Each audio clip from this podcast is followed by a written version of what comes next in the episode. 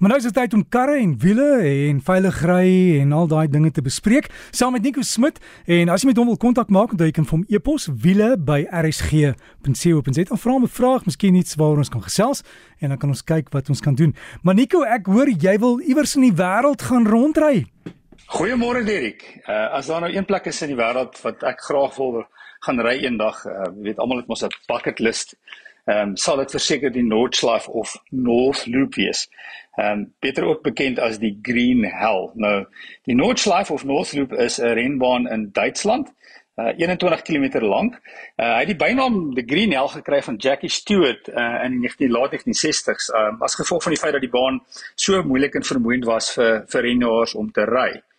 Nou die die Noordslaaf is uh, se konstruksie was voltooi in 1927 en Ek kan dink ehm um, toe karre dit was dit nog redelik jonk in die motorindustrie en die motorbedryf, maar almal het resieskarre gebou en dit was 'n plek om jou jou vermoë te wys as renjaer of te wys hoe goed jou resieskarre is. So uh van 1927 was daai baan ehm um, in gereelde gebruik vir resiesbaan tot vandag nog word daar ehm um, renne gehou op die Noordslag. Ehm um, in 1984 is daar 'n korter gedeelte gebou. Ehm um, dis bekend as die Nürburgring. So as jy Formule 1 kyk, sal jy sien dat baie maal is uh, Formule 1 resies of renne is in die Nürburgring, maar die langer gedeelte is bekend as die Nordschleife of North Loop.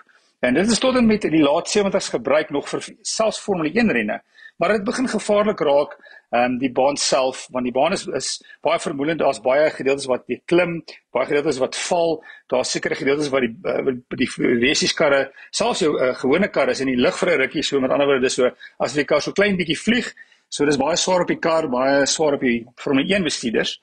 En die laaste ren is gehou in 1976 en wat gebeur het by daardie uh, wedren wat Nicky Lauda het vir Formule 1 was hy uh, die Ferrari bestuurder en hy het wou nie daardie in die ren deelneem nie. Nou was nie noodwendig vir veiligheidsredes nie. Sy rede was hy was bekommerd oor die feit dat dit in een gedeelte kan reën en een gedeelte kan droog wees wat natuurlik die die ren baie moeilik maak. En dis ook dieselfde ren waar hy toe nou hierdie groot ongeluk gehad het soos jy enigstens ehm um, dit 'n uh, bietjie ouer is hulle dit moontlik onthou. Daar's natuurlik video's nog steeds op op, op YouTube beskikbaar van baie slegte ongeluk wat Niki Lauda gehad het. Hy het, hy het baie sleg verbrand in die ongeluk. Natuurlik het hy oorleef maar ehm um, dit was ook toe die laaste Formule 1 ren op die Noordslag ehm um, maar vandag is daar wel ander renne so jy kry nog steeds die 24 uur Nürburgring dis gewoonlik so in Mei maand. Ehm um, en dan is dit 'n groot ren. Daar kan selfs tot en met 220 karre deelneem aan hierdie uh, ren op die Nürburgring. Natuurlik omdat hy 21 km lank is, laat die baan dit toe. Ehm um, die baan word eintlik is nie altyd 'n renbaan nie. So eintlik is dit 'n publieke pad en jy kan 'n kaartjie koop, dink aan soos 'n tolpad.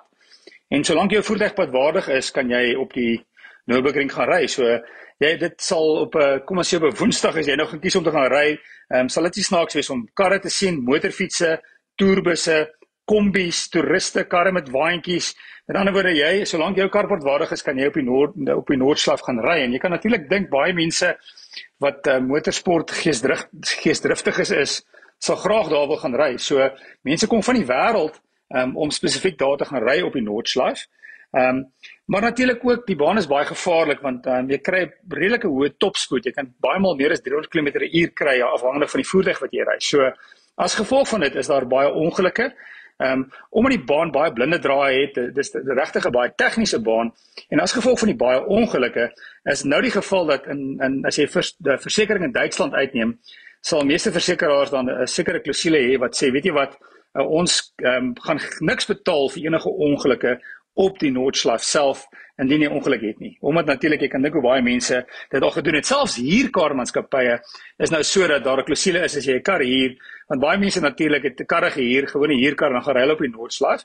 En ehm um, selfs daar is 'n klousule wat wat nie betaal vir die versekerings nie. Indien jy wel 'n ongeluk het, is daar natuurlik ehm um, altyd insleepdienste, maar ook hoe dit werk in die Noordslag omdat dit 'n publieke pad is, betaal jy vir enige skade uh, wat gemaak is. Sien nou maar jy het 'n ongeluk en daar skade in die armkou uh, byvoorbeeld dan moet jy betaal vir vir die herstel van die armkou en die baan.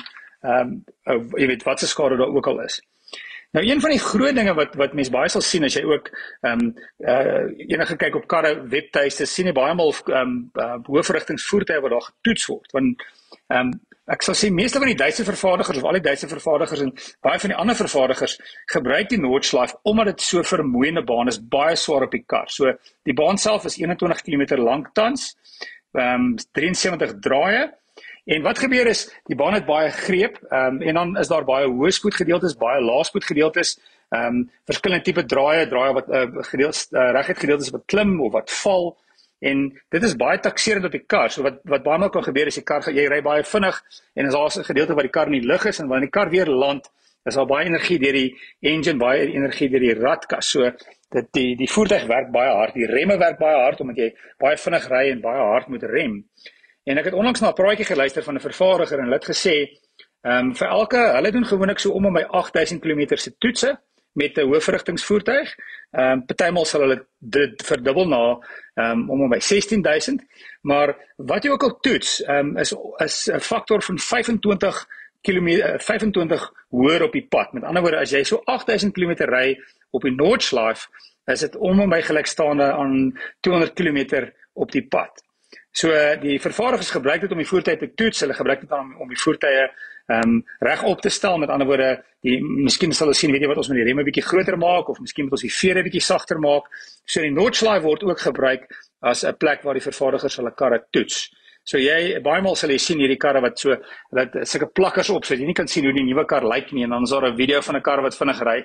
Nou dis gewoonlik die Notchlife en selfs ehm um, oor die wêreld deur kom vervaardigers om om om die rekord ook te probeer breek. So Ehm um, een gedeelte ook is daar's 'n sekere daar's 'n rekord ehm um, ehm um, en daar's 'n rekord vir verskillende tipe voertuie. Soos byvoorbeeld vir 'n SUV, 'n 4x4 tipe voertuig is daar 'n rekord of 'n uh, uh wat hulle vir uh, plaas van Engels is 'n hot hatch of ehm um, net ehm um, vervaardigers kyk wie kan die vinnigste ry. Daar's 'n rekord vir elektriese karre. So daar's verskillende rekords en die Nordschleife is effektiewelik die die plek waar jy jou kar wil toets as 'n vervaardiger want jy kan lae kilos doen en dit is gelykstaande aan hoë kilometers. So wanneer jy volgende keer weer in jou kar ry, ehm um, waardeer die feit dat jy die vervaardiger baie baie harde toets en en moeilike kilometers gedoen het om seker te maak daardie kar is net reg vir jou. Altyd insiggewend Nico Smit met ons wiele bydra. As jy vir Nico dan wil kontak, daai e-posadres is wiele by rsg.co.za.